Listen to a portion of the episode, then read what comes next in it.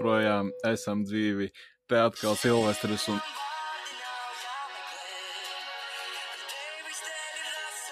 Halo. Jā. Nē, vecīt, es tagad nevaru runāt, es tev pēc tam pārzvanīšu. Davai, jā. Te atkal Silvestris ar mani, protams, kopā atkal Renārs. Čau, čau.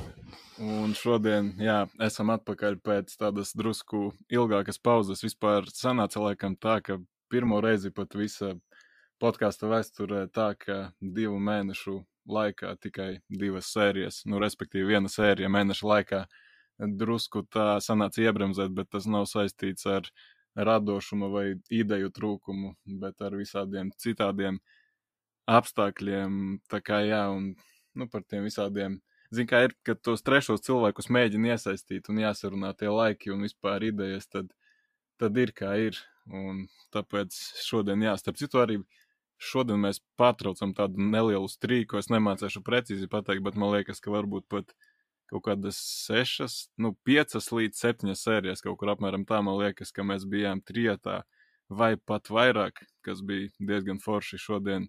Bet šodien, tad jā, tāpat kā vecos labos laikos, un kā bija tajā tur e, populārajā latviešu dziesmā. Tu un es. Sava romantika. Tev bija jāpiedzied tagad, tagad otrādi. Paldies. Piedziedi, nu. es un tu.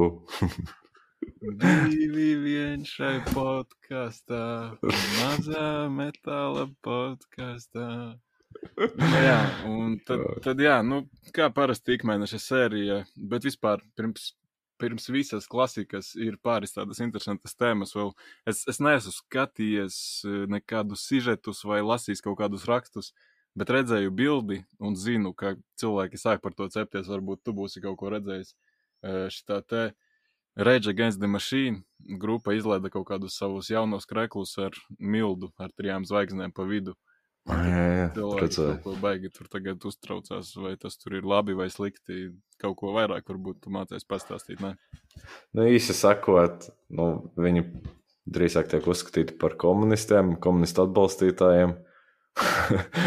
Un tas ir diezgan, nu, tas ir diezgan hypocritical, tā divkosīgi, ņemot vērā Latvijas kontekstu. Jā, nu, mums komunisms Mm. nav, ne, neuzstājas ar brīvību. Nu, un tā kā, jā, nu, tāds.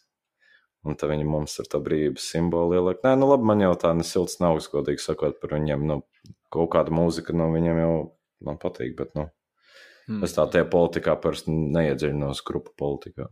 Nē, es zinu, ka zināju, ka viņi skaitās kaut kāda tā politiskā grupa pret sistēmu, bet par to komunismu ideoloģiju man pirmā dzirdēšana tā, tā pārsteidz drusku. Mm. Nu, jā, nu, tas ir tāds. Tas ir bez mazliet kā Nikolbaku heitot, man tā šķiet. Nu, nu, tas ir tā drīzāk stilīgi, nu, varbūt. Nu, labi, bet tiem, kuriem aktuāli tā politika, nu, varbūt viņiem ir vairāk ko pakomentēt, bet, nu, lai jau ir. Bet varbūt, zin kā, varbūt tās tas bišķi vairāk uzrunā. Es nezinu, nu, tā jau kraks ir diezgan stilīgs. Nē, nu, zini, kā es, es tā pat tik dziļi reāli par to nebiju iedom- aizdomājies, bet tā būtu jau forši, ja, nu, piemēram, ja, zini, kā grupa uzstājas Latvijā, un tad viņiem ir tāds mērķis ar, ar Latvijas simboliku, un es domāju, tur cilvēki bez domāšanas pirktu, bet, ja tam tur ir kaut kāda tāda apakša, tad, tad jā, tas drusku citādāk. Mm. Mm. Bet tas tā, nu, baigi interesanti. Ā, Vēl viena lieta, ka, nu, labi, tas jau kādu laiku iet uz riņķi, laikam, apkārt, bet tas tā tikai tagad pievērstam uzmanību. Tas eh, Hellfest 2022. Es redzēju to sastāvu, kas tur tiek plānots. Nu, tur, tur bija tā kā sīkajā drukā, kā uz produkta aizmugures, vai ne? Pilns ar grupām. Nu, senāk viņi ņems šī gada festivālu, kurš nenotika, un tad nākamā gada un saliks kopā, un tas būs septiņas dienas ilgs festivāls. Un, Viņš Tāda- klātienā? Ja, nu, nākošais gads sanāk, vasarā 2022. Mm. Jā, un nu, vispār bļāviens tās grupas. Es reāli es, es nevaru to aptvert, ka, nu, teiksim, tu stāvi tajā festivālā un skaties uz to lapiņu, ka tev vienā laikā, nu, labi, šis nav precīzi, bet, piemēram, tur Judas Priest, Megadeth un Addegates, un tev jāizdomā, uz kuru grupu tu iesi. Nu, Es reāli 5 km skriet uz vienu galu. jā, jā, jā, jā. Bet, nē, nu, zin kā daži kā tur mēģina tur vienas grupas vienu dziesmu noskatīties, tad, kā tu saki, skriet uz nākamo skatuvi, otras dziesmas grupu noskatīties, bet man tāds, es nezinu, kaut kā es mentāli laikam tā neieskaitītu savā grāmatiņā, ka es esmu grupu redzējis, ja es mm. tikai tā pa gabaliņam. Jā, es arī es domāju, ka, jā, nu, jāstāsta, tad ir viss atsiet no, ej uz to mm. grupu. Tas jau tā kā ir tā kā klausīties albumu, ja tu vienu dziesmu klausies, tev to kopējo kontekstu neuztur.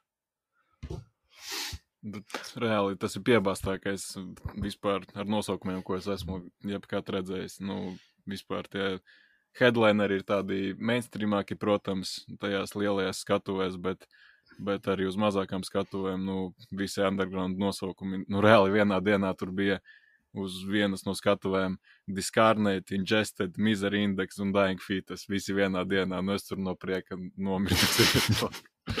reāli, nu. Bet kaut kādi festivāli laikam arī notiek vēl joprojām attālināti. Mm, à, nu es nezinu, tu par šo laiku visu esi kaut kam tā virtuāli es, piedalījies kādā. Nē, nē, nē, nē, man tas, tas nav tas pats. Tas tā vienkārši kā pastīties YouTube, nu, mm. kam par to maksāt. Nu. Nu, tas nereisa tādas sajūtas. Es zinu, ka vairākas grupas, piemēram, Crowbars un tur Pantērai, man liekas, pat bija nu, grupai Down, nu, tās Anselmo grupas visas. Uh, viņi, viņi taisa kaut kādus virtuālus koncertiņus ik pa laikam. Mm. Bet, bet kaut, man liekas, arī kaut kādi festivāli kā taisa tos savus visus tos setlistus un nu, vienkārši kā attālinātus. Bet, bet, bet jā, nu vispār jau forši no vienas puses, ka tā koncerta dzīve sāk atdzīvoties, bet nu, man nav līdz galam tāda sajūta. Tikai tāpēc, ka nu, to visi nevar mm, izbaudīt, ja tev jābūt uh, čipotam. Bet, zināmā mērā, starp citu, par šo arī runājot, īstenībā, labi, es nerunāju par metāla kaut kādiem konkrētiem māksliniekiem, bet, bet esmu dzirdējis pāris Latvijas kaut vai mūziķus, kas, kas atceļ savus koncertus ar tādu domu, ka, nu, es nevaru piespiest cilvēkiem to mm. darīt.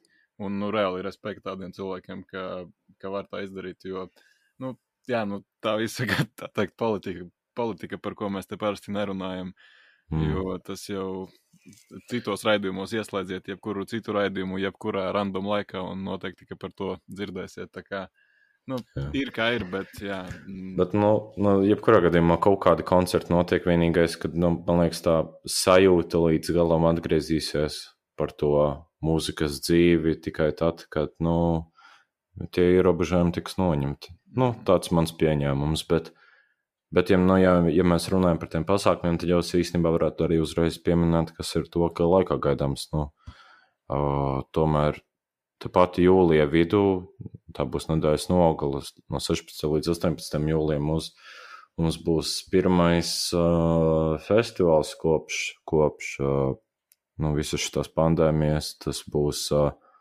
uh, minifests Brūzis 2021. Es cik saprotu, viņi organizē tie paši, kas organizē Zobenu un Lemesi. Mm. Un tur būs visādas tādas vietējās uh, uh, zināmas grupas. Tur ir Inokentijas Mārpls, Katalepsija, Nuvo, Apēdājs, Everlosts, Rivendirs vai Raivendirs un uh, mm. Mind Designs vēl būs. Tā kā, tā kā tas tāds, jā, interesants, interesants pasākums varētu būt. Viņš tādā Bet... arī abstraktā vietā diezgan notiek kaut kādā tur alus darītavā vai kur ne. Grūti saprast, tas man nav priekšstats par viņu. Par to vietu. Augsne uz turieni. Man, bija, man ir biļeti kā nopirkta, bet es, es neesmu nu, atbilstošajā kondīcijā, ja tā varētu mm. teikt, lai, man, lai es drīkstētu tur būt. Beiga, it kā bija sākumā domāts, nu, kad arī ar testiem varēs, bet laikam tur tā politika pamainījās, kad uh, viss drīkst būtu atļauts tikai tad, ja visi ir uh, vakcinēti vai izslimojuši. Kā... Nu, bet, bļāviens, es nesaprotu šo prikolu. Ja tev ir vakcīna un man nav vakcīnas, kāpēc tu no manis baidies? Ko tad es tev tādu varu izdarīt, ja tu esi sabotēts un tu vairs nevari saslimt 100% aizsardzībai? Kāpēc tu no manis baidies? Kāpēc tas tur nevar būt? Teorētiski aizsardzība nav 100%. Nē, nu, es zinu, ka nav, bet es Nē. saku, ka, nu, zini, kā, nu. Viņi pasargā mūs. Paliksim pie tā, jā. nu, labi, nu, tas tā, par šo nav ko tur cepties, kā ir tā ir. Tad, bet, Bet, jā, uh, Nuva un Raivendirs būtu, būtu forši redzēt. Mm. Nu, Nuva beidzot gribētos redzēt, bet, bet pagaidi, sun, suntažos sanāk, laikam, jā, tā tur tas viss process notiks. Suntušu pagastā, jā, kaut kur Mm. tur. Nu, precīzāk, mm, tur jāstāsta būs viņa tajā pasākuma lapā. Mm. Facebookā var apskatīties. Un, uh, bet jā, pēc tam jūlijā vēl tāds ļoti zīmīgs pasākums būs Punk pikniks Rīgā.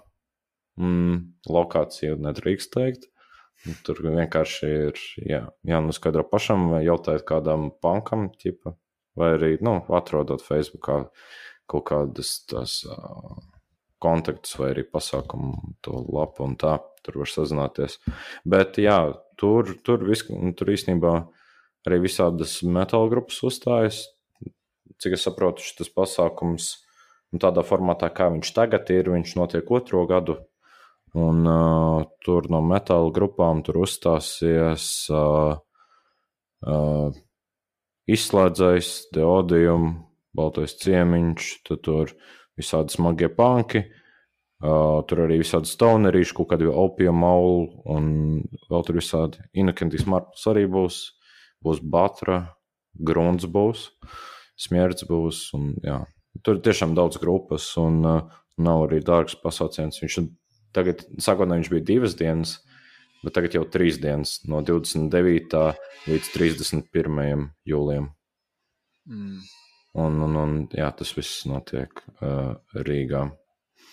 Bet par viņu to politiku es neesmu pārliecināts. It kā, it kā par cik viņš tāds secret, nu tad var it kā iet, bet man tāds aizdoms, ka viņš jau tik liels paliek, ka tur beigās jābūt arī čipotam. Nu, tur jā, jājautā organizatoriem. Mm, bet, bet jā. Un, uh, un tad arī nu, sāk jau visādi kaut kādi mazie pasākumi notikt. Uh, Nosā tur uzstāsies vairākas grupas, un uh, Depiņā jau tur atsāksies arī šis 20 minūtes slavas. Un, un, un, uh, nu jā. Uh, Republikā pa kādam koncertam atkal sāk notikt. Tur bija, man liekas, nesen uh, Everlostam al albuma prezentācijas koncerts. Zin, ja mēs esam uz tāda daļai negatīvā viļņa, zinu, kas vēl bija tāds spļāviens sirdī īstenībā. Nu, nu. Tas Amona Mārts, kurš neskāpēc mistisku iemeslu dēļ tika cīpa pārcelts uz 12. jūliju, bet tas datums es reāli nesaprotu, no kurienes tika izrauts. Vienkārši randomā viņi paziņoja, ka koncerts tiek pārcelts, bet, nu, šī tie te, kas tirgo tās biļetes Latvijā, bet, bet Amona Mārts mājaslapā nebija, ne, nu, tie datumi bija pavisam citās valstīs. Nu, laikam tie bija vispār vecie vēl kaut kādi palikuši, un uzrakstot grupai, mm, kas notiek, viņi raksta, nē, vispār nu, par tādiem datumiem nekas nav zināms, mums arī oficiāla paziņojuma nav, vienkārši pieprasiet naudu atpakaļ. Tā kā es nesaprotu, mm. kas te tā izdomāja spēlēties, bet, bet arī nebija pārāk forši. Bet man, li man liekas, ka bija kaut, pirms kaut kāda brīža atnācis āpasts, nu, ka tas koncerts ir atcelts. Nu jā, tagad pirms kaut kāda, mm, pirms pāris nedēļām atnāca, ka viņš ir atcelts, bet tas bija kaut kad, kaut kad varbūt aprīlī, iespējams, kad paziņoja par to jūliju. Man, manā nevai sirdī atkal parādījās cerību stari un prieks, un ka būs beidzot, bet atkal otru reizi pa galvu, un nē, nebūs. Bet klausies, a kā tur sanāk, viņi paši atgriež naudu vai ir jāraksta? Vai Nu, kā? Kā tajā e-pastā bija rakstīts, ka mēneša laikā tur sekos informācija. Jo es neesmu neko saņēmis. Es jau, es jau esmu aizmirsis par visām tām biļetēm. Man liekas, viņi vienkārši paturēs naudu. Mm, tas nebūtu beigas smuki. Tas gan. Jā, bet, nu, jā, nu, forši, ka kaut kas atgriežas, un, jā, tie, kas var, tad, tad noteikti jāiet un atbalstiet un priecājieties, izbaudiet dzīvi, bet mēs, mēs paklausīsimies pagaidām mājās jaunākos albumus. Un, jā, par albumiem runājot, šo, šomēnes vispār nāca baigi skaļie tādi nosaukumi, pat Jā, visam bija pagrūti izsekot, un es noteikti atkal esmu laidis garām daudzas lietas, bet, bet, bet bija labs, un arī pat pašmai mūzikā kaut kas labs bija iznācis, tā kā vari sākt eh, ar ko gribi vispār, un tad es sekošu. Hmm. un šoreiz varētu pamēģināt sākt ar pašmai grupām. Uh, pārsvarā kaut kādus singlus pumpēja ārā. Vietējie, uh, piemēram, vietējā defkora grupa Mind Design, viņi izdeva uh, singlus, vai viens vai divi bija, viens bija kaut kāds Abigail laikam, mm. viens bija kaut kāds Swallowed. Nu, īstenībā man liekas, nu, man personīgi liekas, ka viņiem tie apgriezieni riktīgi ir uzgriezti. Ja salīdzina ar to viņu albumu, kas bija vien, pirmais albums izdots. O, tā kā jā, tur es noteikti gaidu uh, vēl kaut ko no viņiem. Un cerams, ka tas beigās apformēsies kaut kādā albumā. Viņi bija baigi labi, un toreiz es, es tur drusku sačakarējos, kad es tev rakstīju par to, ka viņus, piemēram, varētu ar Saint Torment salikt. Es teicu, es tās mm. grupas sūdīgi pār, pārzinu, un es biju domājis ar Sanktimoni kaut kādu no pirmajiem tiem desmitālu albumiem. Viņi, nu, tādi death trash, tur plus mīnus. Tas būtu drusku tuvāk, varbūt, bet es tur sačakarējos, kad tev rakstīju par to. Nu, ja man jau būtu jāieliek ar kādu grupu kopā, es domāju, es liktu ar, ar mailu. Nu, jā, arī. arī tāda vietējā, tāda slamīga defkāra grupa. Mm, jā, nu vēl mums tāds lielāks nosaukums apēdājs. Tie izdeva atkal divus singlus, nu, kopu, kopumā tā, kopus liekot. Un, uh, Jā, tur dziesmas ir atkarības, un otrs gabals ir pirmā mīla. Tā ir mīļākā grupa pašmā. Vismaz pirms pusotra gada bija, kad mēs taisījām to topu. Ah, jā, kaut kas tāds bija. nu, man vajadzētu varbūt padomāt par sarakstu. Jā, bet nu, noteikti nav slikta grupa. Uh, nu, es, es īsti nesaprotu sing, uh, to divu singlu formātu. Ja? Nu, viņi tā kā izlaiž tādu tā kā uh, maksīs singls, vai kā viņš mm. saucās, kur ir divas dziesmas. Ja? Un uh, man tāda liekas, nu, vai tas, es vienmēr aizdomājos, vai tas beigās sanāks kā albums kopā viss, ja? vai arī viņi paliks kā singli. Man nepatīk, ka dziesmas metājas singlos, bet nu, tas ir mans subjektīvais viedoklis. Un, uh, bet jā, gabali ir labi, to noteikti var ievērtēt. Nu, skan kāpētājs, jā, ir viņiem tā sava raksturīgā skaņa un jauda. Un, un, un uh, vēl no vietējiem bijām jau iepriekš minējuši tādu nosaukumu Gulaga Kalašņikov. Ja? Viņi izdeva uh, ļoti īsu EP, uh, tas saucas Affiliation None. Un, jā, nu tas tāds slēms pa lielam Nu, varbūt tas es nepareizi raksturoju, bet, bet nu, jā, arī uz to defkorīgo galu. Un, un, un man liekas, viņiem pat ir tas EP publicēts tajā Slam Worldwide YouTube kanālā. Ah, jā, bija. Mm. Un, un, un tas tāds interesants. Viņiem bija arī vienreiz kaut kāds video klips publicēts ar singlu, kur uh, tur vienkārši liftā kaujas čaļi. Jā, tāds, tāds slamam kaut kāda raksturīga agresija. Nu, tā, pilnīgi par to slēmu es nezinu, vai tas ir tas kaut kāds drīzāk deathcore, beatdowns, beatdownīgs deathcore. Nu, jā, jā, jā, varbūt tā labāk. Bet tas bija labs, jā, īstenībā tur labs tāds projektiņš arī veidojas. Mm. Jā, tur arī interesanti, kas tur tālāk varētu notikt. Nu, no vietājām pa lielam tas ir viss, ir kaut kādi tur demo singli dažām grupām. Uh, bijuši, bet nu, tad, to, tur labāk pagaidīt, kad būs kaut kas tāds reālāks kvalitātes. Bet, jā, nu, varbūt ir vērts, vērts vēl pieminēt, nu, par cik mums patīk fiziskais formāts. Uh, Everlustam ir diska formātā jaunais albums. Un pieejams tagad, no nu, šajā mēneša laikā viņš tika uh, izdrukāts, ja tā varētu teikt, vai arī nu, pārdošanā palaists. Un, jā. Bet no vietējiem tas būtu viss, un tad jau mums tur sākas visi lielie nosaukumi. Nu, tā varbūt arī ar vienu lielu arī sākam. Tāda, tāda kā pateikt, nu noteikti žanra klasiskā grupa, kas spēlē un dara, ko grib, un vairs nav žanra klasika galīgi. Tie būtu noteikti Dark Throne ar savu yeah. Eternal Hales, vai kā bija tas. Uh, jā. jā. Kurš viņam tur jau 58. albums, laikam, sanāk. Nu, vispār, nu, pirmie iespēja pozitīvi, negatīvi, kā tur bija. Es biju ļoti patīkami pārsteigts. Man parasti tie pēdējie albumi asociējas ar tādu nu, tā lejupslīdi. tās grupas diskogrāfijā, projekta diskogrāfijā drīzāk. Bet uh, man, nu, man pirmā asociācijas veidojas kaut kādu Black Sabbath. Jā, nu, tāds mm. instrumentāli viņš iet uz to pusi. Bet tie ritmiņi, kas tur veidojas, tie ir tādi bleķīgi. Nu, viņš tādā ļoti oldschoolīgā manierē ir sataisījis tas albums. Man ļoti, ļoti patika. Man pēdējais gabals, oh, tik, nu, tas, tas bija vienkārši ķirsīts visam pa virsmu. Tā otrā dziesmas puse, kas tur bija, tur kaut kā viņi iepina kaut kādu sintēzatoru, tādu fonā, ja, tādu nu, vienkārši rīktīgi spēcīgu atmosfēru veidoja. Un arī tā sūdīgā kvalitāte, kas nu, es parasti nu, neesmu piekritējis viņai, arī black metālā. Bet šis bija tādā vidusceļā, kad man nesabojāja to atmosfēru, un man patika tiešām. Mm, jā, es biju dzirdējis arī negatīvas atsauksmes par šo albumu, bet man īstenībā pat patika vairāk nekā es biju gaidījis. Jo es arī, godīgi sakot, nesu tās viņu vidus un beigu ēras fans, tas viņu tur panka un heavy stāvs, tas man nevisai piesaista. Pirmie albumi, tas, protams, jā, vienmēr, bet, bet šitas, jā, reāli, tas oldschoolīgais produkcijas man reāli patika, tā, tāda forša, reāli sajūta, ka albums no kaut kādiem 80. un tāds tiešām dūmīgs, heavy metals ar kaut kādu bleka mazu piesitienu. Tā, mm. nu, reāli viņiem viss vienalga un dara, ko grib, un tas ir forši vienā, no vienas puses.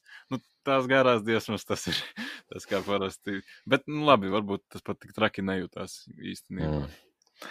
Jā, nu, tur, tur uh, pats pēkšņi izkrīt no galvas, ko gribētu teikt. Bet, nu, vispār, jā, atceros. Uh, Tas ir tāds albums, pie kura vienkārši, tu vienkārši uzslēdz fonā apgulēs un vienkārši vaibo. nu, man tādas asociācijas. Nu, tāds atmosfēra to noķert un, zin kā, vienkārši domāt. Jā. Nu, kā jau varbūt tas pēc tādam atmosfērīgākam bleķim tas varētu būt raksturīgi. Jā, tiešām šeit tas, man liekas, bija viens no tiem šī mēneša highlightiem noteikti. Jā, tad vēl šo gan jau, ka neesat dzirdējis, es arī vienreiz tik izskrēju cauri, bet Black Trash faniem noteikti jāievērtē, un gan jau, ka tas ir izdarīts. Vācijas tādi oldschoolīgie čalīši, Disaster, izdeva savu arī jaunu albumu. Nu, vai tas ir viņu labākais albums? Nē, bet ir forši redzēt, ka tā teikt, vecajiem vilkiem vēl ir iekšā, un viņi arī vēl spēj tādu mūziku veidot. Bet Bet mums varētu sakrist, īstenībā es sapratu, ka es galīgi neko šodien nenoklausījos. Man ir tikai vēl divi albumi, laikam. Nu, es varu vēl uh, paturpināt šitam viļņu arī tāds oldschoolīgs. Uh, baigi interesantais mikslis tur sanāk, tur tāds oldschoolīgā manierā, thrashīgs, tāds death metals ar black metal manierā. Nu, tā kā visi tie klasiskie uh, smagie žanri saplūst kopā un ļoti, ļoti patīk tas albums. Uh, grupa ir Go Ahead and Die. Jā, tāds bērnišķīgs nosaukums, mm. bet, bet, bet, bet uh, tas sastāvs ir ļoti spēcīgs. Uh, albuma nosaukums ir tāpat kā grupas nosaukums, un tur ir uh, tie kavaleras brāļi. Un, uh, jā, Maks ir uz vokālām, ja nemaldos. Un tas bija rīktīgi tāds spēcīgs, viņam arī tāds oldschoolīgais skanējums, bet tā pareizi izdarīts. Man likās tas tā, ar to, ka tie trīs žanri tur saplūst, man liekas, ka viņi to oldschoolīgo modernizēja.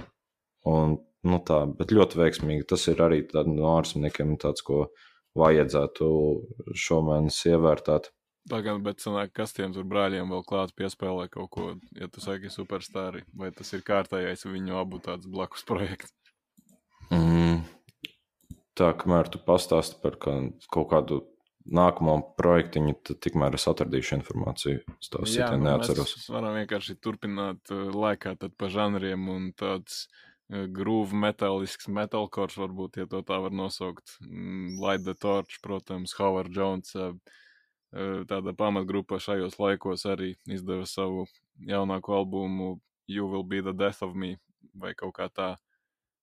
Nezinu, es, es negribu būt tas čalītis, kas tā runā, bet man liekas, ka tas pagājušais albums bija rīktīgi labs. Nu, tas viņu uh, The Revival laikam, un šīs kaut kā nelikās, ka vēl līdzi tam pirmajam. Nu jā, nu man. Nu, Zini, kā man liekas, tāds. Tā, ja šitos dzirdētu roka radio, man, nebūtu iebildumu. Man liekas, viņš tāds ir ok. Ja? Viņam tās melodijas citreiz tādas arī tādas, nu, tādas varētu teikt, pat spēcīgas. Ja? Bet uh, nu, tas, tas produkcijas, tas tāds, viņš baigi tāds tīrs un varbūt ne manai gomai. Pēdējais covers bija diezgan tāds negaidīts pārsteigums. Noteikti metālam netipiski. Tātad Mm. popa dziesmas. Bet, Bet ot, bija interesanti. Nu jā, viņš, bet šis projekts tāds kaut kā no metalcore jau aiziet uz tādu tā Nu kā jā. roku.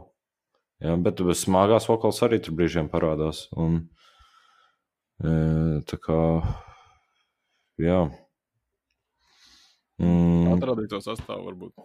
jā, bet cik es sapratu, viņš ir tikai trīs cilvēku sastāv, eh, sastāv projekts. Tur kaut kāds Zaks Kolmans ir vēl Mhm. tādas, nu, laikam, nedzirdējis tomēr.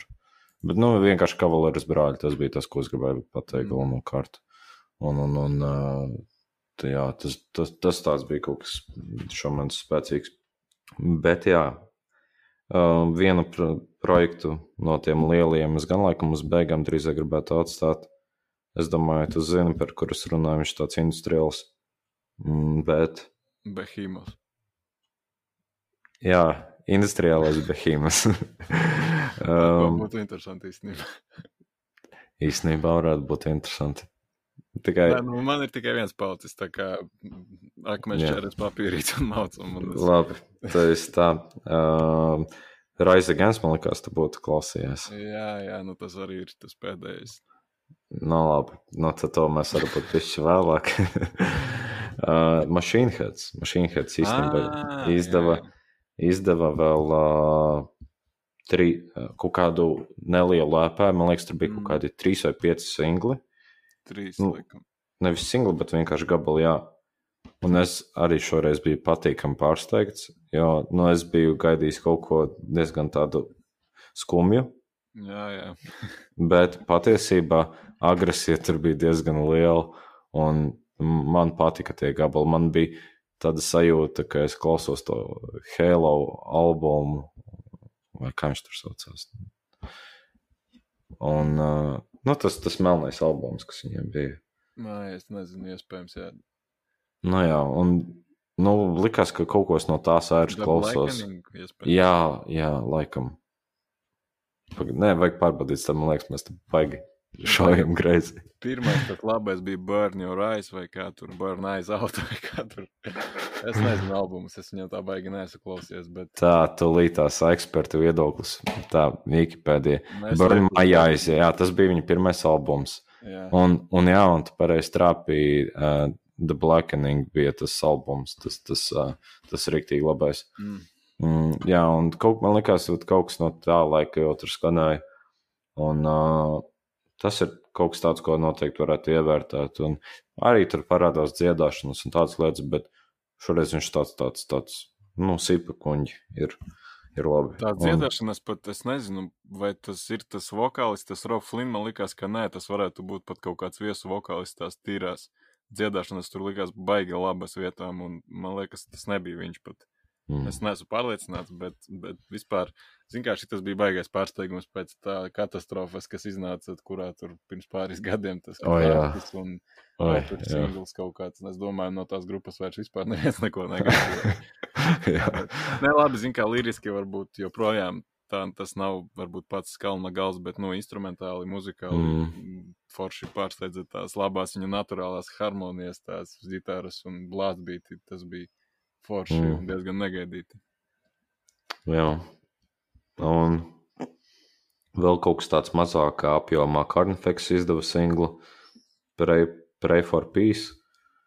Uh, man jau tagad, klausoties viņas, man sāk šķist, ka viņi bišķi pārāk uh, apstrādā to savu mūziku. Viņi, nu, es saprotu, ka viņi aiziet vairāk uz kaut kādu tādu death metalu un tam līdzīgi, bet tur ir šausmīgi daudz tā, uh, tās skaņu siena, te visi tā, nu, atmosfēriski elementi liekas, un tu beigās nedzirdi to pašu mūziku. Viņš vienkārši tā, tāds plāķis tev grūž virsū. nu, tur tā, bet tas, protams, tā subjektīvi. Nu, ja interesē Carnifex, noteikti ievērtēt tomēr viens gabals tikai. Nav skaidrs, vai tas būs albumā, tāpēc, tāpēc arī pieminu to kā singlu. Un uh, nu, vēl no tādiem kaut kādiem atmosfēriskajiem bleķīšiem, varbūt tas to var saukt par avantgardīgo kaut kādu metālu. Ir tāda grupa Thai Catafalk. Uh, bija kaut kāda laika, viņa tad diezgan aktuāli. Mm. Viņi izdeva albumu Vadak. Nu, tas ir tāds, tāds īpatnējs un, un, un uh, atmosfēras kā bleķa cienītājiem noteikti varētu interesēt. Mm. Un, un tad beigās paliek divi albumi. Es reāli es rokos smadzenēs to lielo nosaukumu meklēju, bet kaut kā man tas galīgi nenāk prātā. Tas, ko tu gribi pateikt, tavs tas albums. Mm.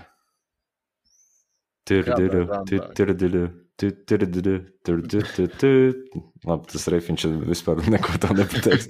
Es vienkārši to sevi muļķi pateicu.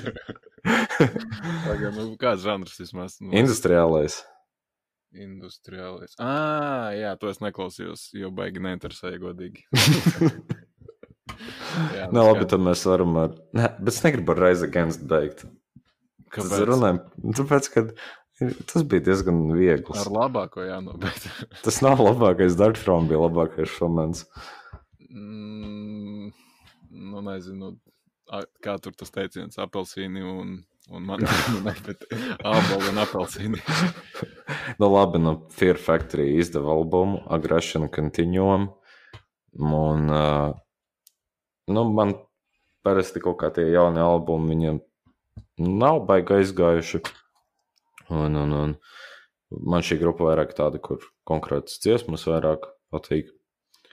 Man tā kaut kā tā autotūnētā dziedāšana parasti visu no, nočakarē. Bet uh, šis albums man tomēr patika. Viņiem tomēr, uh, viņiem tur tagad tādas interesantas lietas notiek. Viņiem tas, viņu vokālists uh, ir kā prom no grupas, bet kamēr viņš bija prom, Viņi uztaisīja, nu, pabeidz taisīt albumu un publicēja ar viņa vokālām. Ja? Nu, tās dziesmas pabeidz ar vecā vokālista vokālām. Mm. Tas jau izklausās pēc kaut kā tāda, kur vokāls būtu nomiris un tad uztaisa, bet viņš nav nomiris. Un uh, patiesībā ļoti forši man šis albums, arī ar tā visu dziedāšanu, viņa tā likās nu, diezgan gaumīgi sa savietota nebija tā, ka par daudz tur nu, uzbāztos tā auto to ne tā dziedāšana. Nu, bet es, es nevaru pat īsti iedomāties, kā viņi skanētu, ja nebūtu tas autotons, tad varbūt tas tur būtu diezgan traģiski. Bet, bet jā, nu, spēcīgs albums, un viņš nav pārāk industriāls, viņš tāds diezgan tāds ass. Un, tā kā, ja ir interese industriālajā metālā, tad to var ievērtēt. Jā, man liekas, viņi tā baigi hypoja to albumu ar to visu bardaku un to drāmu, kas tajā tur grupā notiek. Un mm, es nezinu, kāpēc, bet tas bez mazliet tā atbeidīja drusku no, tās, no tā albuma projām un negribas vienkārši. bet, bet liekas, ka varbūt, ka man būs tieši pretēji, ka man tur tā auto un tā dziedāšana baigi patiks, tāpēc vajadzēs varbūt paklausīties. Mm -hmm. Bet jā, nu šīs vasaras top albums noteikti bija Rise Against ar nosaukumu Nowhere Generation. Ah, jā, Nowhere Generation. Nu, varbūt kādam jautājums tāds brīnums, bet kāpēc mēs metālkāstā runājam par kaut kādu tādu grupu, bet, bet ir iespējams arī paklausīties. Pirms kaut kāda gada mēs izveidojām mūsu mīļāko top 5 albumu, tādu sēriju, kur varbūt tā sērija varētu sniegt vairāk paskaidrojumus, kāpēc mēs tagad runājam par šo grupu, bet Bet reāli, zinu, kā es no, es no viņiem vairs vispār neko vairāk nebiju gaidījis, jo, nu, ne jau tādā baigi sliktā nozīmē, bet jau bija tā skaidrs, ka viņi pamazām iet uz to tādu, nu, kā pateikt, uz tādu mēstrimu vairāk, uz tādu galīgi citu publiku. Un šis albums reāli, nu, atkal tā sajūta, ka tev bez mazliet tie 14 gadi atmeta. Es reāli, es izdarīju kaut ko tādu, ko es nekad nedaru. Tu sēdi, ja? Sēžu. Es viņu noklausījos divas reizes pēc kārtas vienā dienā. Es nekad to ar albumiem nedaru, lai saglabātu to svaiguma efektu. Bet tā, tā sajūta, ko viņš radīja pēc pirmās reizes, bija, bija tik stilīga un es nezinu, uh, baigi, baigi patika. Ir tāda sajūta, ka viņam nav īsti A un B puses, bet, bet abas puses ir tādas bezmazliet tā kā A. Abas ir diezgan spēcīgas. Un es, man parasti tās viņa akustiskās dziesmas nevisai patīk, bet šajā albumā likās, ka tā pat reāli ir tāda viena no albuma foršākajām dziesmām, un Sooner or Later tā arī laikam albuma mīļākā dziesma. Reāli tāds, viņš iznāca tajās kaut kādos 1. jūnija datumos, un ar to vasaras sākumu tik superīgi sapinās kopā, ka, jā, es tev toreiz arī uzreiz to ziņu padevu. Nezinu, kāda atmosfērā tev viņu sanāca noklausīties vai nenoklausīties, bet, bet šis te, nu, tāds baigīgi tāds nostalģisks spēriens starp kājām tādā vislabākajā nozīmē. Jā, nu es kaut ko šīvarēju pa māru, man liekas, ka gatavoju vai tīrīju. Un, uh, un, jā, un tad fonā vienkārši bija uzslēdzis. Un es tā nebiju baigi tā piesēdies tagad rokas salcis kopā un analītiski klausījies. Jā. Es tā vispār parasti nedaru.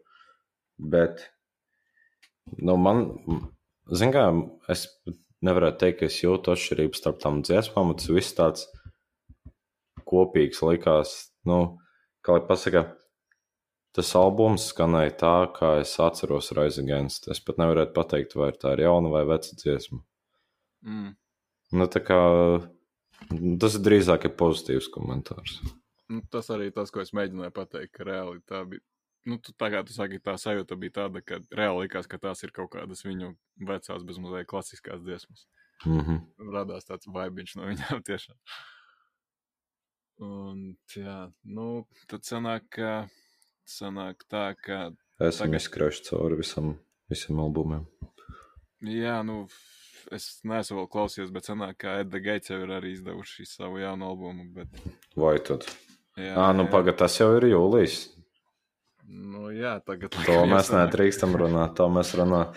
Atstāja kaut ko nākamajam mēnesim. Jā. Nē, nu, es tik tā, kas, nu, ar to skatu, kas iznāk šo mēnesi, šo mēnesi, tā kā nu, kas tur vēl, vēl bija kaut kas labs. Uh, A Night in Texas ir tas Defkar projektiņš. Uh, Paradise Lost izdos live albumu, bet to live albumu, kurā ir uh, tie viņa tie populārie uh, daļēji akustiskie tie uh, singli. Nu, tur tādas rīktīgi labas dziesmas, tā kā interesanti, kā viņiem tur sanāks. Meihemam būs EP, un uh, D. Snyderam būs albums, Ingested būs kaut kāds albums, bet es, ne, es nesapratu, viņš kaut kāds tā kā bez mazliet arī masters, jo tur iekavas kaut kāds rīdoks, es nezinu, ko tas nozīmē. À, nu viņi izdeva to surepšanu, vai kā viņu tur sauca, nesen arī pārakstīja, laikam, pa jaunu. Surepti jau. À, tā kā nebūtu pārsteigums, jā, ja viņi vienkārši atkal kaut ko laiž Mm. ar uh, pārakstītu vienkārši. Nu jā, tad tā, tā kā Injustice, Mayhems, Paradise Lost, at the Gates. Tie ir tādi, ko var gaidīt. Nu, labi, ja cilvēkam vispār, vai, ja, vai vispār interesē live albumu, tad Paradise Lost var arī ne, neminēt, bet... Uh, Jā, vēl jaunais Skyforder albums, taču jāstarp citu. ko? Labi, labi, fake news, fake news.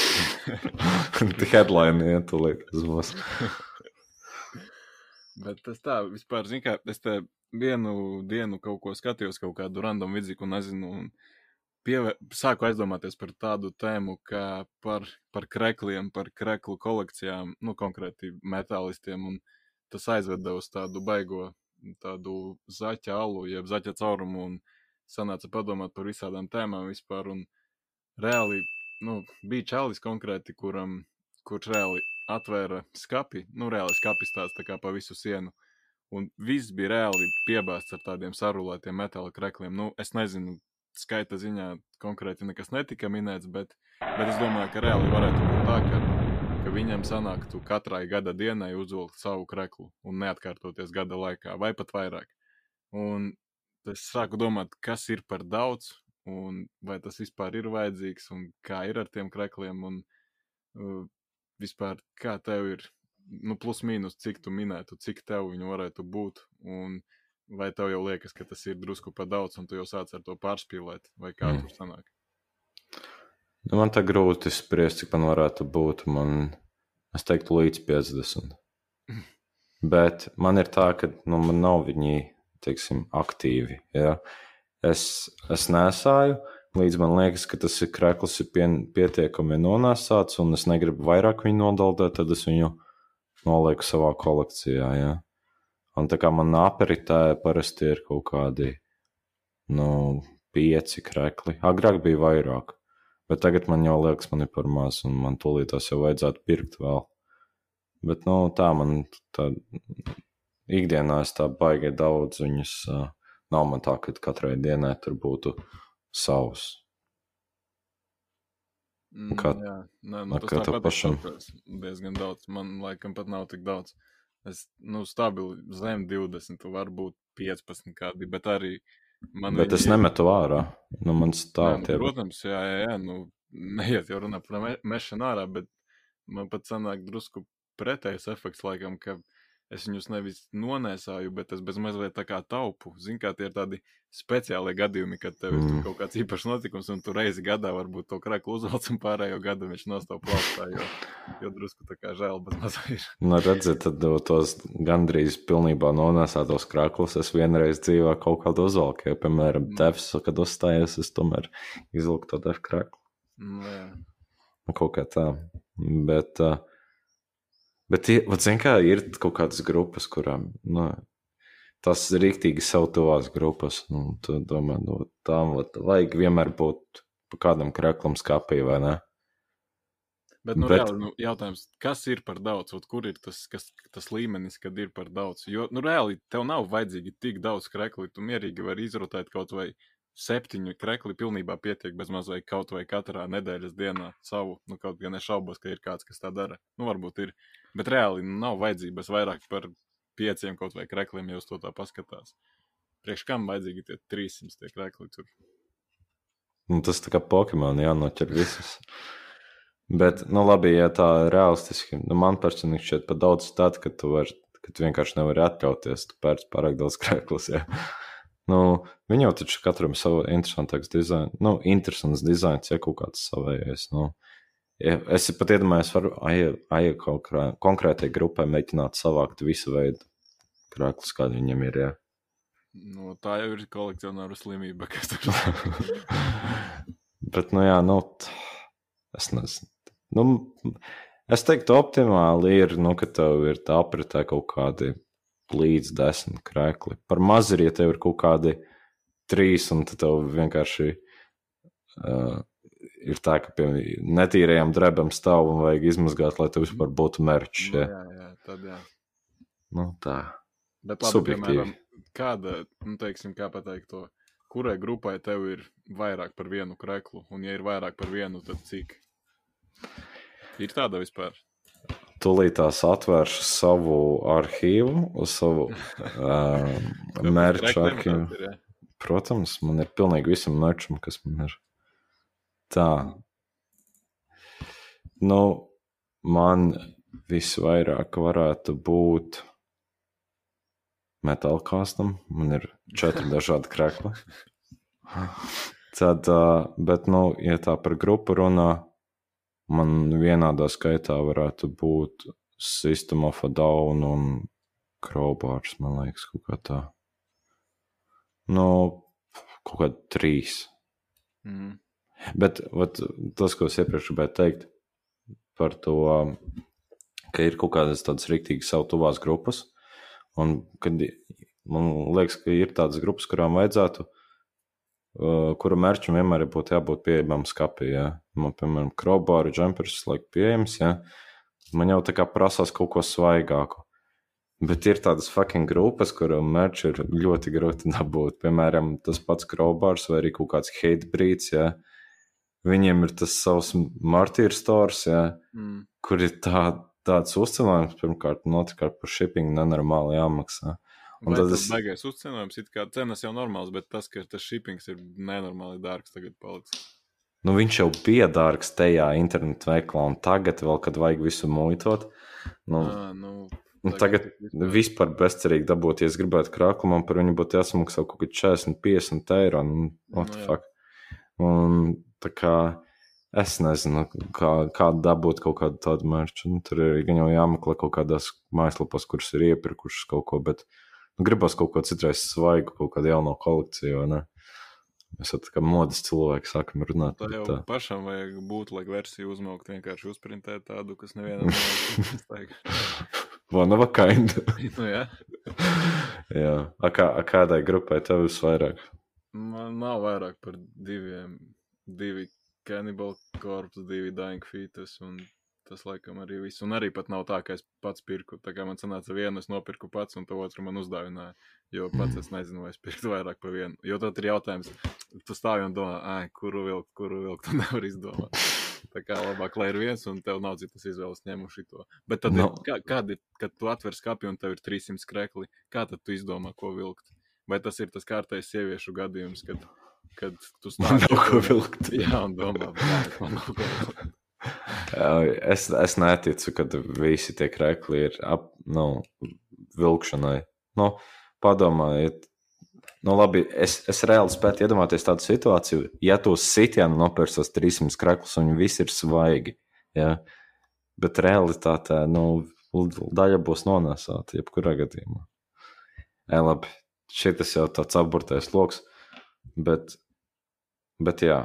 Bet, nē, nē, turpinot par krekliem, vēl priekšā, kas ir eh, cilvēkiem ar to piedurkņu apgriešanu un dažreiz tik neglīti, ka kreklu reāli sabojā. Es saprotu, ka nu, ir krekli, kuriem tā var izdarīt, bet ir tādi cilvēki, kas reāli katram kreklam vienkārši paņem un tādu, tādu pa diagonālo nogriež tā, ka pat nīpelis spīd sānā. un Tā, kā ar ribas redz visas, un bez maz vai jā, nu tā, ka tu pusi tie ir defkora stilā. Defkora Nu, stilā. Cipa, jā, tāds bodybuilding variants, bet... Bet kāpēc- divas kāpēc? rociņas. bet, nu, kāpēc? Stils gan jau. Vienīgais iespējamais izskaidrojums gan jau. Nu, es arī personīgi negribētu bojāt krāklu. O, Nē, zinu, kā, ja caurums padusē izplīsis, tad, tad jā, to, to var saprast, tā kā izglābt to kreklu un iedot viņam tādu otro dzīvību, bet vienkārši jaunam kreklam, kurš tikko atnācis, paņemt, nogriezt pusi vēl no grupas logo, un tad kaut kā es to tā līdz galam nesaprotu. Tas tā vairāk trešistiem arī tā novērojams, tā kā varbūt. Arbūznieki. Tas tā kā rokām nav vieta visā pasaulē. Tad nesā Mm. riktīgi plāti rokas. Tas baigais tagad pat sagriezies līdzēt pa durvīm. Nu, tā, tā, tāda ir cilvēka parasti ir tāda, nu, tā kā sievu sitai stila maikam staigā. Nu, tu jau vat, arī, nu, zini, kā tu it kā gribi maiku bez piedurknām, tad varbūt nopērts maiku bez piedurknām. Nu, jā. nu, labi, tā varbūt kāds, Kāds teiks, var pakomentēt, kurš, kurš graiza savus maikus?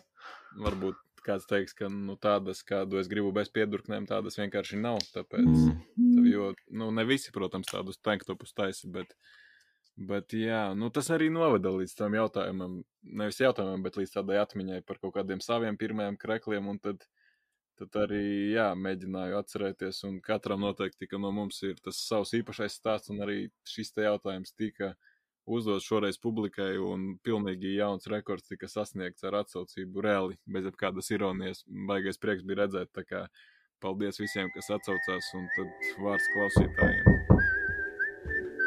Evo, Džeki, nu jūs tā vispār neko nerubiet. Nu, uzreiz var redzēt, ka nekādas sēgas nav par to, par ko runājat. Nu, muzikālās izglītības uzreiz redzams, ka nav. Kā tu vispār tu tur ir ģitāra? Kas tev tā mācīja spēlēt? Mediators arī pirstos, tā kā kādā iestēpuši tā.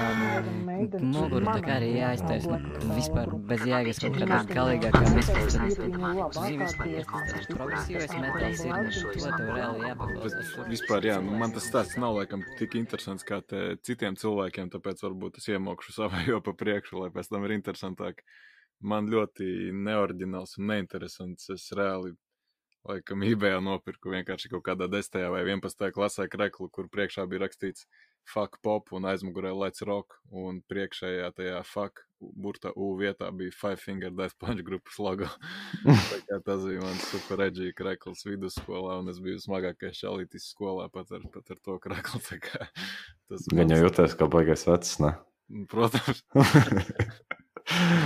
Jā, forši, forši. tikai viņam bija tāda sajūta, zin, tie burti bija tādi kā lai to paskaidro, tas fons burti izskaitījās riktīgi tādi izdriskāti. Tas krekls izskatījās baigi vecs.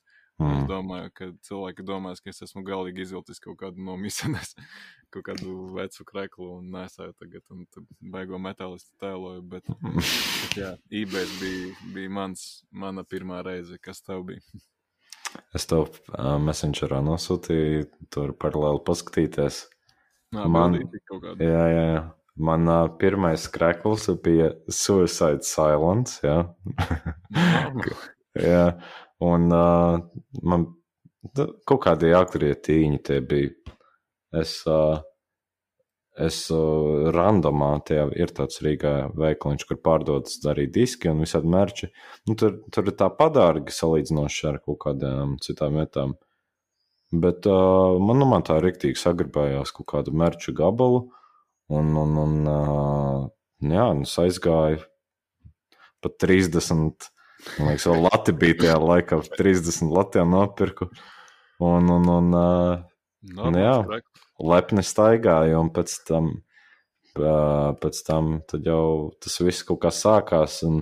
Tad es tur to Imperikonu internetu veikalā sāku tur rīktīgos kvantumos sūtīt mērķu. Un, Un tā kaut kā vēl joprojām staigā ar visādām tādām lupatām.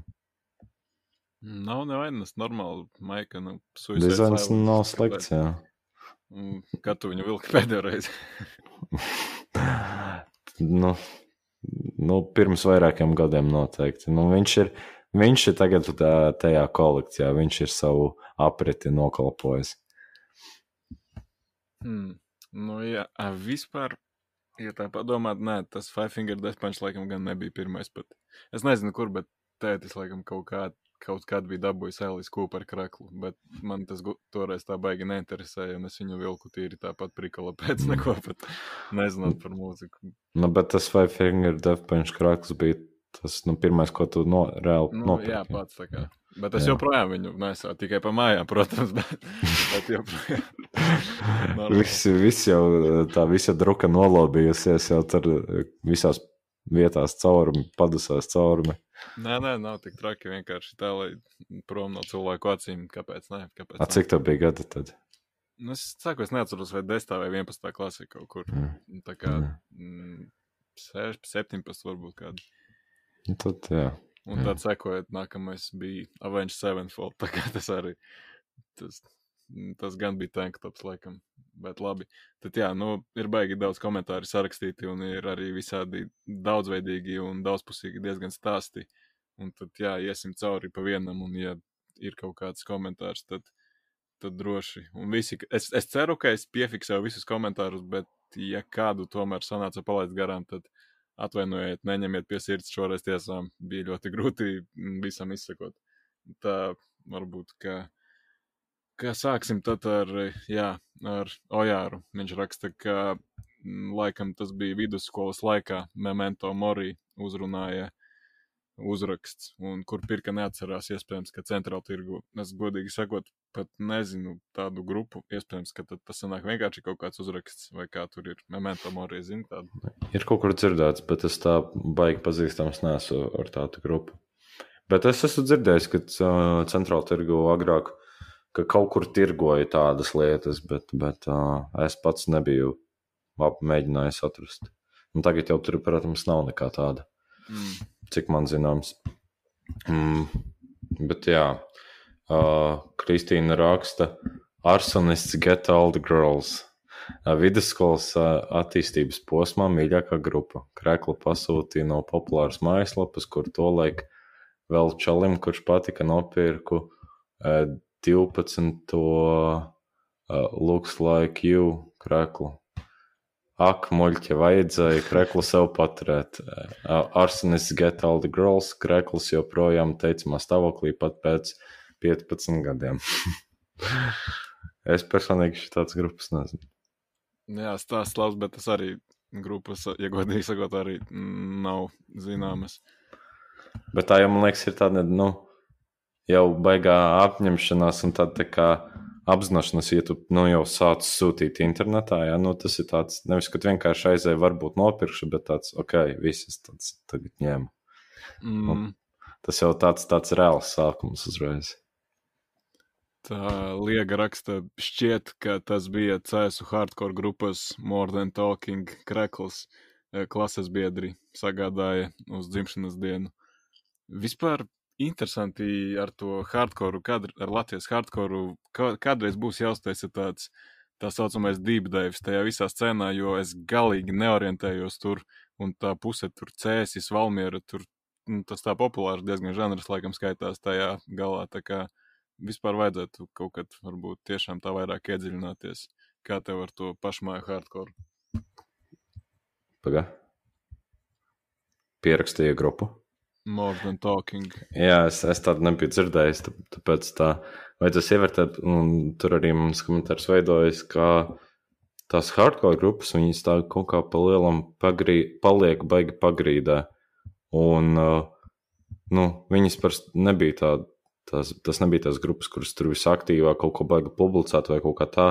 Bet, pie, uh, bet arī tajā periodā, nu, kad bija kaut kādos tā kā, apgabalos vairāk orientētas tās cenas, ja tur, piemēram, cēsis, tur uh, kaut kādas valmiera, tur salaspils, nu, viss kaut kādas, jā, nu, uh, tur, tur bija kaut kādas tās savas cenas, un tad es pieļauju, ka viņi arī tur bija savstarpēji aktīvi tie cilvēki, un tad viņiem kaut kāda tāda, nu, gan jau nostalģiska sajūta veidos tam grupām.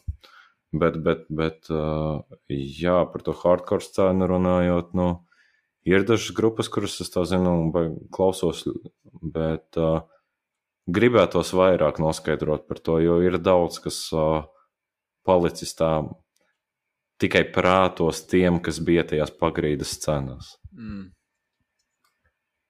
Tev tā punk un hardcore izlasē disku veidā ir vai nē? Man ir dažas, bet man nav visas. Man ir kaut kādas trīs vai četras. Tā pēdējā man nav. Mm. Nu, tur gan jau tas būtu labākais veids, kā ar to visu iepazīties. Jau. Jā, jā, noteikti tos nosaukumus tur var daudz atrast. Un, uh, un ne tikai tajā punk un hardcore izlasē, bet arī tajā odikulons izlasē. Tur alternatīvā mūzika parādās diezgan. Un, un, un, uh, jā, bet šī tā noteikti tā, ko var kādreiz pacelt. Un tad, uh, turpinot par to merču tēmu, Harijs tur komentāros rakstīja, Pink Floyd krēklis, mamma veikalā randoms, man nezinot to nopirka. Agrāk man tas krēklis nepatika, jo attēls ir mazs, vienkārši uh, neizlecošs, bet pēdējos gados tieši dēļ tā sācis simpatizēt. Arī bijušas Dream Theater bundzinieks, arī bijušais Dream Theater bundzinieks Portnojas vienā dzīvajā koncī spēlēja ar identisku kreklu. Tas arī ietekmēja kreklu patikšanu. Jā, Pink Floyd krekli mm, ir redzēti īstenībā. Mm. Diezgan daudz ar to trīs stūri, protams, klasisko. To prizmu, prizmu tā laikam bija. Nu, jā, labi. labi. Jā, bet nu, tos to dizainu visi zina. Un tas ir tāds, jā, nu, diezgan populārs, man liekas, starp tiem, kas sāk kaut ko asociēties kaut kādām grupām. Un tad kaut ko tādu parasti ņem. Vai arī to Joy Division arī viens tāds krakls, kurš baigi populārs. Zinu to, kur tie sound wave ir tādā Jā, redzētu, dimensijā. gan jau zinātu, bet tā grūti iedomāties. Nu, ieraksti Google Joy Division t-shirt, un tu uzreiz sapratīsi, par ko es runāju. Un, Bet, tā, nu jā, tad tālāk, kamēr tu, ja tu meklē, tad es varētu nākamo nolasīt. Tā, Juris min 8. klasē ielīdu humpīšos, tur uzpeldēja slipnot krekls, ņēmu bez domāšanas. Tagad katrā koncertā cenšos ko pievienot kolekcijai. Bet tas ir īstenībā, jā, man, uh, man arī tā, tā patīk. Nu, koncertos ir krietni lētāk, pirmkārt, tie krēkli, un tur ir arī tādi krēkli, kurus tu nu, veikalos nesastapsi. Tīpaši tie, kuriem ir tūres aizmugurē un tam līdzīgi, bet tas ir arī kaut kas tāds, kas tev nu, paliek ilgāku laiku un ar ko tu vari atcerēties to visu. Tā kā koncertos noteikti jāpērk merču. Vispār, jā, par tiem tūres krekliem. Tas ir tāds drusku koks ar diviem galiem. Tu esi tā par tūres krekliem vai pret. Jo reizēm, zini, kā drusku ir tā sajūta pret, jo tu negribi tā kā viņu tā datēt, tā, nu īsti, jo, nu, labi, tas nav ne pozitīvi, ne negatīvi, bet, kad tu, piemēram, tur 2040. gadā staigāsi ar zobens un lemēs 2020 kreklu, no vienas puses tas ir forši, bet no otras puses tad arī, ja viņš tev ir... tā Parāda kā- vecumu. Nu, drusku varbūt, jā. Nu, tas tā, es nezinu. Jā, nu es saprotu to domu, jo es sākotnēji, kad es pirku krēklus, es ekskluzīvi pirku koncertos tikai tos, kuriem nav turas. Mm. Jo man tie, nu, ar tieši tādu pašu domu, jā, bet tad es sapratu, nu, tāds, nu, nu labi, nu, varbūt tas tur baidies tur no kaut kāda, nezinu, ka viņš tur tāds, varbūt dizainiski viņš uzreiz baigi tur agresīvais liekas vai ko, bet patiesībā tāds, nu, tas, tas, vien, tas tā vizuāli ir vienīgais, kas liecina, ka tas ir no turienes. Ja? Nu, tad tā ir nu, reāli piemiņa. Tāds. Es tur biju, un arī cilvēkiem tā ir uzreiz tēma. Tāds, o, oh, tu biji tur, un tur es arī tur biju. Kaut kā tā. Cik reāli reizes tev tā dzīve ir gadījies? Diezgan daudz koncertos parasti tā notiek, kad ja? cilvēki tieši dēļ mm. tāds. Tā vai tur pabakst vai kaut kā tāda. Nu, bet tas tā, es um, viennozīmīgi es tagad nesapratu, es labprāt paņemu tādus. Nē, nu labi, mans arguments ir stulbs tāpat jebkurā gadījumā, jo, ja Krekls ir 20 gadu vecs, viņš visticamāk nebūs arī baigi perfektā kondīcijā, ja datums nebūs rakstīts. bet... Jā. Bet labi, tā maucam tālāk. Un jautājums tā kā it kā bija domāts, protams, par smago mūziku, bet pāris cilvēki arī padalījās ar grupām, kas galīgi nav ar smago mūziku saistītas. Bet tas ir arī forši no vienas puses, ir drusku daudzveidība. Un tad arī Elīna raksta, ka pirmais viņas krekls bija Spice, Spice Girls un tikai iegādā cik mēneša. Ui, nē, bet ikvasaras noslēguma braucienā uz šauļu tirgu. Jā, izklausās pēc labas tradīcijas un Spice Girls. Uh, bija grupa, kas kaut kad bija diezgan populāra. Jā, bet tas nav vienīgais cilvēks, kas komentēja par Spice Girls. Rekur vēl uh, Dīta minēja, ka Ziemassvētku vecīts atnesa. Uh, un ka viņi ir diezgan droši, ka dabūja Ziemassvētku vecīts to kraklu tirgu. un, uh, un jā, vēl arī tu minēji, ka pirmais bija arī Spice Girls. Uh, un pēc tāda ir Britnija, un pēc tam par laimi bija Hudijs ar Nirvana. Mm. No tāds interesants, tāds, tāda progresija. Nu, jā, pagaidām metālkās tā pirmā vieta ieņem Spice Girls. Bet, turpinot, Atis raksta, ka Blind Guardian, mm, Maika no veikala randoms. Jā, interesanti īstenībā izvēle. Pirmajam kreklam tas varbūt nav tāds stereotipisks variants. Tā kā liecina varbūt par to, ka, ka jau tā mūzikas gaumē bija diezgan noformēta, kad tas pirmais krekls tika dabūts. Kā tev Blind Guardian vispār? Jā, nu, Blind Guardian, man liekas, viena no tām heavy vai epic grupām, kur man patiesībā patīk, jo nu, tas ir tāds diezgan tāds, varētu teikt, niša. Ja? Nu, tāda rīktīgi, ļoti specifiski skan tādu veidu mūzika. Ja? Un, un, un es tā ikdienā tādu veidu metālu neklasu, bet zinu, ka tam ir noteikti ļoti liela auditorija. Daudziem cilvēkiem patīk tāds, tāds jā, ar episku sajūtu. Jā, nu, kā, bet es piekrītu tev, ka tam visticamāk tur jau bija gal, nu, tā nopietni formējusies tā gauma. Jo ar to parasti tā neiet. Bet, mm. Lai gan viņiem bija diezgan arī populāra singla, bet nu, tur var spekulēt. Jā, tad Ieva minēja, ka ar Radio SVH rock logo vinnēja konkursā. Tas ir viens no skatījumā. Jā, Radio SVH rock roka nevienu trešdien vakaros. Es nezināju, ka... jā. Es nezināju, ka viņiem ir arī, nu, ar logotipu krēklu, bet viņiem tur kaut kādi krēkli arī pārdodas. Tur viss kaut kas, starp citu, viņiem arī diski pārdodas. Viņi tie mm. LRMO veikliņā. Tā, nu jā, ot, ot šie ir komentāri, ko es tiešām biju gaidījis, bet tiesa gan tāds drusku pieticīgs, bet Maks raksta sepultūra ar aiz pirkts biržā. Ot, es tiešām cerēju, ka atsauksies tā teikt vecie vilki, jo viņiem noteikti tie stāsti ir daudz interesantāki nekā mani eBay, varbūt, un mm. citu AliExpressa, bet, bet reāli, zin kā, varbūt tie cilvēki teiks, ka, ai, nu, kas tur ir tāds interesants, aizgāju uz mežu un nopirku kreklu, bet es tāds drusku nūģisks esmu tajā jautājumā, man reāli interesē tie visi sīkumi, kas tur bija, kā tur bija. Tas ir vesels process, līdz tam mežam mm. aizvilkties, saņem drosmi. Tiešām gribētos, es nezinu, var tāds improvizētais segments, ja būtu forši, varbūt pamēģināt kaut ko tādu, ka nu, reāli, ja ir kāds cilvēks, kas šo te klausās un kas ir tos biržas laikus piedzīvojis, varētu varbūt pat kaut kādu audio fragmentiņu iesūtīt ar kādu no ar biržas leģendām vai ar biržas stāstiem, un mēs to varētu arī varbūt kādā no nākamajām sērijām tad arī atskaņot, jo tiešām man tā visa pasaule liekas super interesanta, un kā tas tur viss agrāk notika, tas tā baigi forši bija, tā kā šis tāds vienīgais tiesa gan komentārs vairāk, manuprāt, tādu biržistu nebūs šodien. Uh, bet varētu vēl arī būt bišķi vairāk par to, kad iznāks tā dokumentāla filma Metal.lv, jo tur par 90. runās. Tā kā... Ir kaut kāds plus-mínus datums zināts, kad viņa apmēram varētu nākt ārā. Nē, pagaidām tikai spekulācijas, ka varētu varbūt būt šogad, bet nu tad jau redzēs, jāgaida. Uh, kas vēl tāds, nu jā, tad uh, viņa te minēja The Offspring no M. Daila pirku 97. gadā stāv skapī vēl šodien. Un tas ir forši, saglabā tādas lietas. Tas MDL vēl bija vienā komentārā pieminēts, kur tas ir. Man, man kā nerīdziniekam tas galīgi neko nesaka. Kas tas MDL vispār ir? Tāds mols dēle vai kas tas skaitās? Tā arī es arī nezinu. Es tagad googlēju. Mūzikas nama tēlu varbūt. Tas ir. Nu, visticamāk, ka tas ir tas, tas ir centrā. Mm. Bet es, es neesmu, es, man es, es neesmu lietas, kur saka, ka tur mērķis kādreiz kāds būtu tirgojis. Mm. Bet, nu, labi, tas ir 97. gads, tas ir diezgan pasen.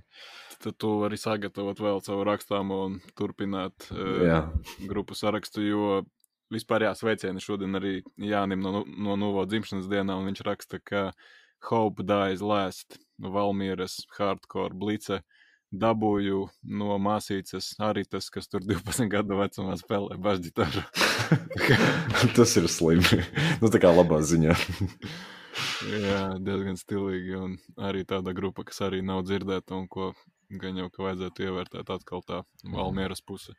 Jā, šo tām varētu pacelt arī no, no, no kaut kādiem tiem senas aktīvistiem. Gan jau Jānis varbūt tas varētu pakomentēt to vairāk. Bet, nu labi, tas tā. Tad Tālāk runājot, uh, Andris minēja, pirmais, ko atceros, man bija mammas dāvināties Merlina Mansona krekls. Paldies, mamma. Tas ir diezgan krūti vecāki, ja viņi ir gatavi uzdāvināt kaut kādu tādu trāko Merlina Mansonu. Jā. Jā. Arī un... otrs Andris atbild pirmajam Andrim, ka viņam ar tāds Mansona pirmais bija krekls. Jā. Nu jā, un tad uh, Girts minēja, ja tiku pie sava ļoti novēloti obskūra uh, omnivium tēkraklis no viņu akrausis tu, turnējas. Uh, jā, to, to es atceros. Tas bija foršs koncerts un, uh, un, un, un uh, jā, bet tas tāds, nu arī jau tā diezgan advancēti, ja tā mēs sakam, tas nav tāds, ko tu tā vienkārši paķer. Tāda īstenībā, laikam, sanāk, nu, līdz šim brīdim, ko mēs te lasām, tāda pirmā smagā diezgan grupa, jo pagaidām tādi, tādi entry līmeņa varianti ir bijuši. No nu jā, kas ir diezgan, protams, loģiski arī. Te vēl, vēl viens honors min uh, Oasis, tirgus. Olga raksta Nirvanas krekls no AliExpress. Es pat tā nesu īsti AliExpressā grupu kreklus tā baigi ievērojis. Kaut kādi tie būtlegi varbūt skaitās, kaut kādi tur ne. Nu, ļoti liela iespēja, ka tie būs kaut kādi būtlegi, ka tie nebūs mm -hmm. tie tiešie. Tā kā, ja grib grupu atbalstīt, pērkot merču, nu, citiem tas nav aktuāli, bet tad ir noteikti jāskatās, kur to sūta. Jo nu, arī internetu veiklos sūtot, ir nu, kā, tas oficiāli, bet daudz kur nu, tādi. Kur tu nezini, kas tas ir pārdevēji, piemēram, eBay un AliExpress tāda veida bodas, nu, tur, tur Labi, gan jau Nirvana un ACDC var arī Alijā nopirkt, gan jau viņi no tā nabagāki nepaliek. nu, Haunēmā var arī nopirkt tādus. Bet, nu, tas tā. Uh, tad min tālāk, lai tu mani var paspēt panākt. Nu, ok, tad Elza min Manovar centrāla tirgus. Nes kāds tas Manovar, viņiem domā, ir tas krekls ar to albumu vāciņu, kur viņi tie puspliki stāv. Tas, tas laikam diezgan stilīgs. Tiešām. Piesaist uzmanību. Tas ir reku atkal centrāla tirgus. Tā kā tāda diezgan mm. populāra pieprasīta vieta, kur pirkt kreklus Rīgā. Jā. Nu, Jā, un tā ir. Laikam tas vienu... vairāk tā, tas randoms, to vairāk laikam jaunai paudzei, kas tā. Smara nesen. Pa, jā, nu sanāk, Kaspars raksta Metallica Harvester of Sorrow Āgens kalnā tirgu trešā stāva bodē. Man tas, protams, neko neizsaka, bet izklausās tā diezgan kaut kāda pagrīdes iestāde. Ne, kad, kad... Mm. Bet interesanti, Harvester of Sorrow. Tā, man patīk šī īstenībā krekli, kas ir kaut kādi speciāli dziesmām domāti. Nu, kas nav ar kaut kādu, varbūt, albumu vāciņu vai tikai ar logo, bet kad ir kaut kāds tāds artworks ar speciālu dziesmu. Tā kā Mm. šis labs. Jā. Un Toms no Ohres mina Metallica, Raida Lightning, centrāla tirgus veikals. jā, atkal centrāla tirgus. Un atkal Metallica. Bet Raidai Lightning reāli ierulē. Labākais metālika albums debatē manī. Es neesmu sagatavojis šai debatai, bet es nepiekritīšu. Zini, kā vispār, nu, reāli tur ir tikai divas pareizās atbildes, vai nu raida Lightning vai Master of Puppets. Hipsteri teiks Kill Em All un Normī teiks, nu, Black Album, protams, bet, Garāžu Incorporated. bet vispār. Zini, kā sanāk, man liekas, ka, evo, reāli šis varētu būt variants raida Lightning versus Master of Puppets abos albumos, manuprāt, ir vienāds dziesmu skaits, un ab abos albumos ir tāds instrumentālais gabals. Tā kā pāris sanāk diezgan stilīgs. Tā kā, ja Tomam ir vēlme, varbūt drusku paceļot laiku. Pamocīt atkal. tad mēs varētu kaut ko tādu mēģināt pat nākotnē uztaisīt. Bet, bet jā, šis labs, tas, tas, protams, noformējums arī ikonisks un tur nav kur piesieties. Tad tā, Alisa raksta Celine Dion feat Titanic no Viļņas tirgus. Tad mums jau atkal parādās tie internacionālais tirgus otru reizi, tā kā arī diezgan populāra vieta. Mm. Jā, no Agnesa min Mansons vai nu randomā, vai nu tirgu pirku. No, tad Mansons jau panācis Spice Girls un drusku mūsu reputācija atgriežas. Tā, Santa raksta, humpalās dabūju baltu 3XL eh, Paradise Lost kreklu, kas O. man bija vēl praktiski kā kleita. Nesāju līdz izira pa vīlēm. Nu, šis ir tiešām tas labais stāsts par tām humpalām, jo tā ir tāda savā ziņā zelta bedre, laikam, no vienas puses. Es nezinu, kā tagad tur ir. Zinu, kā bērnībā es tā vairāk uz sportu biju orientēts, un tajā, Mm. tajās humpalās visādus tur sporta kreklus meklēju, un tiešām varēju atrast baigi stilīgās lietas. Un tad simtprocentīgi, ka tajā laikā es vienkārši kaut kādu grupas kreklu, ko redzēju, tad tas bija tā, nekādas emocijas varbūt tā neizraisīja, un es vienkārši pašķīru viņu malā, bet būtu interesanti zināt, ko tu esi tādā veidā palaidis garām. Tu esi mm. vispār pats humpalās kaut ko tādu atradis kādreiz. Nē, es tāds salīdzinoši izlapis puika, es pērku jaunu apģērbu. Un personīgi lietot apģērbu nepatīk nesot. Nē, nu tagad jau, protams, ka jā, jau tā pasaule drusku pamainīsies. Tu arī internetā vari sūtīt pats, ko gribi, bet, nu, Mm. jā, tas tā var agrāk laikā ceļojot, kad tādas iespējas īsti nebija. Tad es atceros, es UFC, nu tas galīgi nesaistīti, bet UFC krekls kaut kāds bija, nu tā arī interesanti, kā Reizeknē gadās eh, UFC pasākuma kaut kāds krekls tāds oficiālais. Tas bija tā Mm. krūti, bet jā, 3XL paradise last, tas arī labs. Mm. Reti, kur tas ir tik liels krekls. Tā kā tas ir noteikti tāds limited. Tā Viktorija raksta, korn arī centrāla tirgus atkal. e, Mama nopirka ar kerzām, jo baigi prasīja 12 vai 13 gadu vecumu. Korn, tas, jā, tas ir, tas ir, tas ir OG, tas ir labais. No Klasisks tā var uzreiz saprast, kura paudze, jā. Nu, Mm, un uh, arī uz tā viļņa, piemēram, Muldis minēja vienkārši slipnot, neko vairāk neminot. mm. Tad sanāk, Slipnots ir bijis divas reizes, Mansons trīs un Spice Girls arī trīs.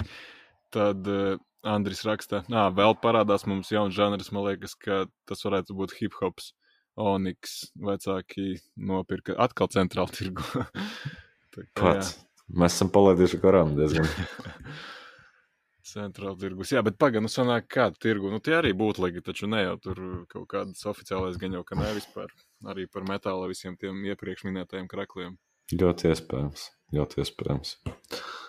Bet, nu jā, tā Pāvils minēja arī centrāla tirgu pirts Metallica Kilamāla.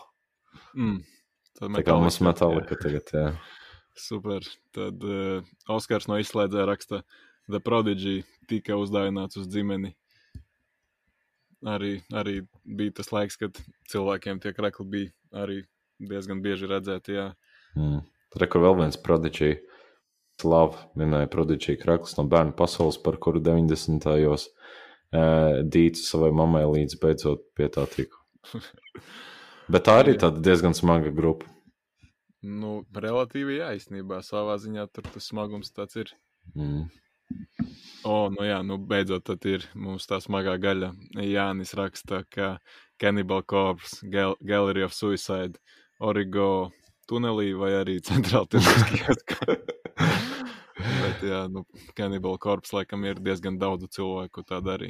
Nu, Mm. tas pirmais, ja ne pirmais smagais, tad jā, pirmais krakls. Man liekas, Cannibal Corpse ir tā grupa, kur, kuras kreklu katrs metāla cienītājs ar laiku sev nopērk. No tā, nu, vi- tas arī ir tāds, ža, nu, ir brands, varētu teikt, ar kuru cilvēkiem patīk staigāt, jo viņš tāds, nu, tāds bļaujošs ir. Mm. Arī Slayers viena no tām grupām, kur tā kā, nu, ir vismaz vienreiz jāpaņem, nu, es cieņas vai kaut kā tā. Pārsteigumu īstenībā redz, ka neviens slēru nav pieminējis. Mm. Īstenībā, jā, pārsteidz.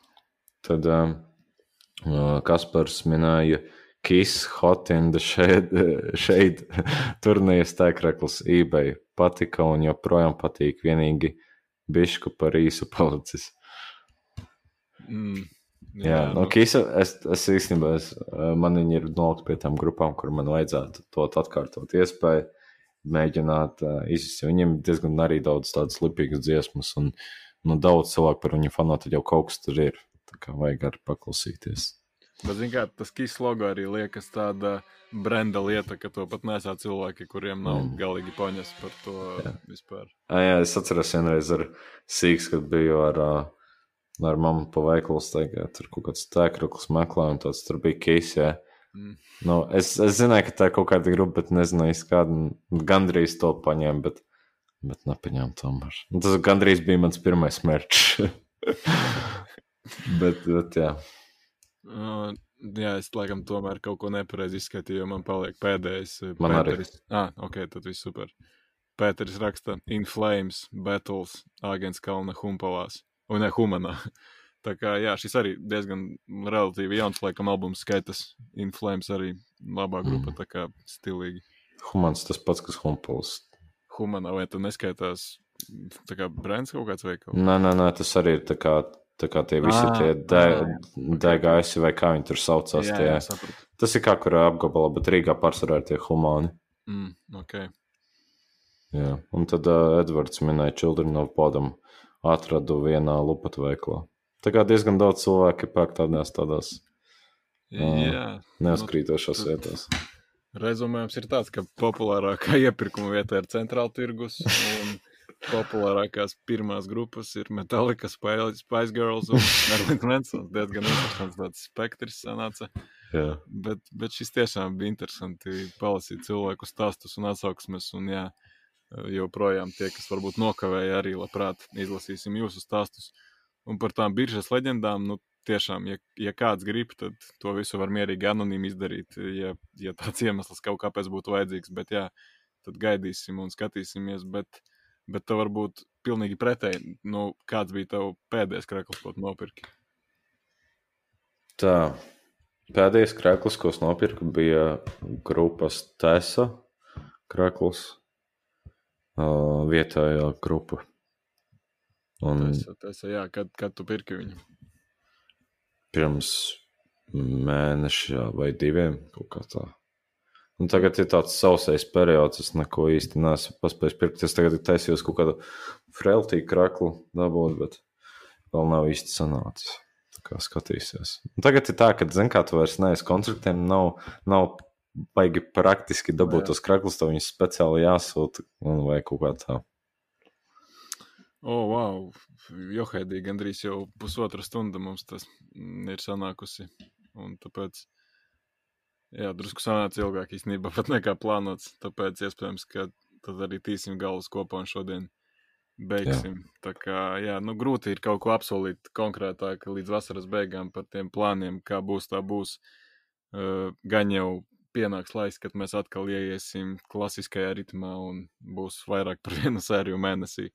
Bet pagaidām, nu jā, kā būs, tā būs. Vienkārši varat piesakot Facebook lapā, un tur visvieglāk arī laikam būs izsekot tiem jaunumiem, un vislabāk jūs varat mums palīdzēt arī, ja varat padot šo sēriju tālāk, nospiežot to vienu pogu. Tas neko nemaksā jums un baigi palīdz mums. Tā kā tāds mazs beigu promo fragmentiņš, un Kas vēl par pasākumiem bija? Albumi bija. Mm, kas vēl? Par nākamā mēneša albumiem arī minējām At the Gates un Ingested Mayhem EP. Jā, tad, tad tas laikam būs arī šodien viss. Tad, kā parasti turpiniet dzert daudz ūdens, neslimojiet un klausieties labu mūziku un, protams, arī metālkāstu. Tā. Čau, čau!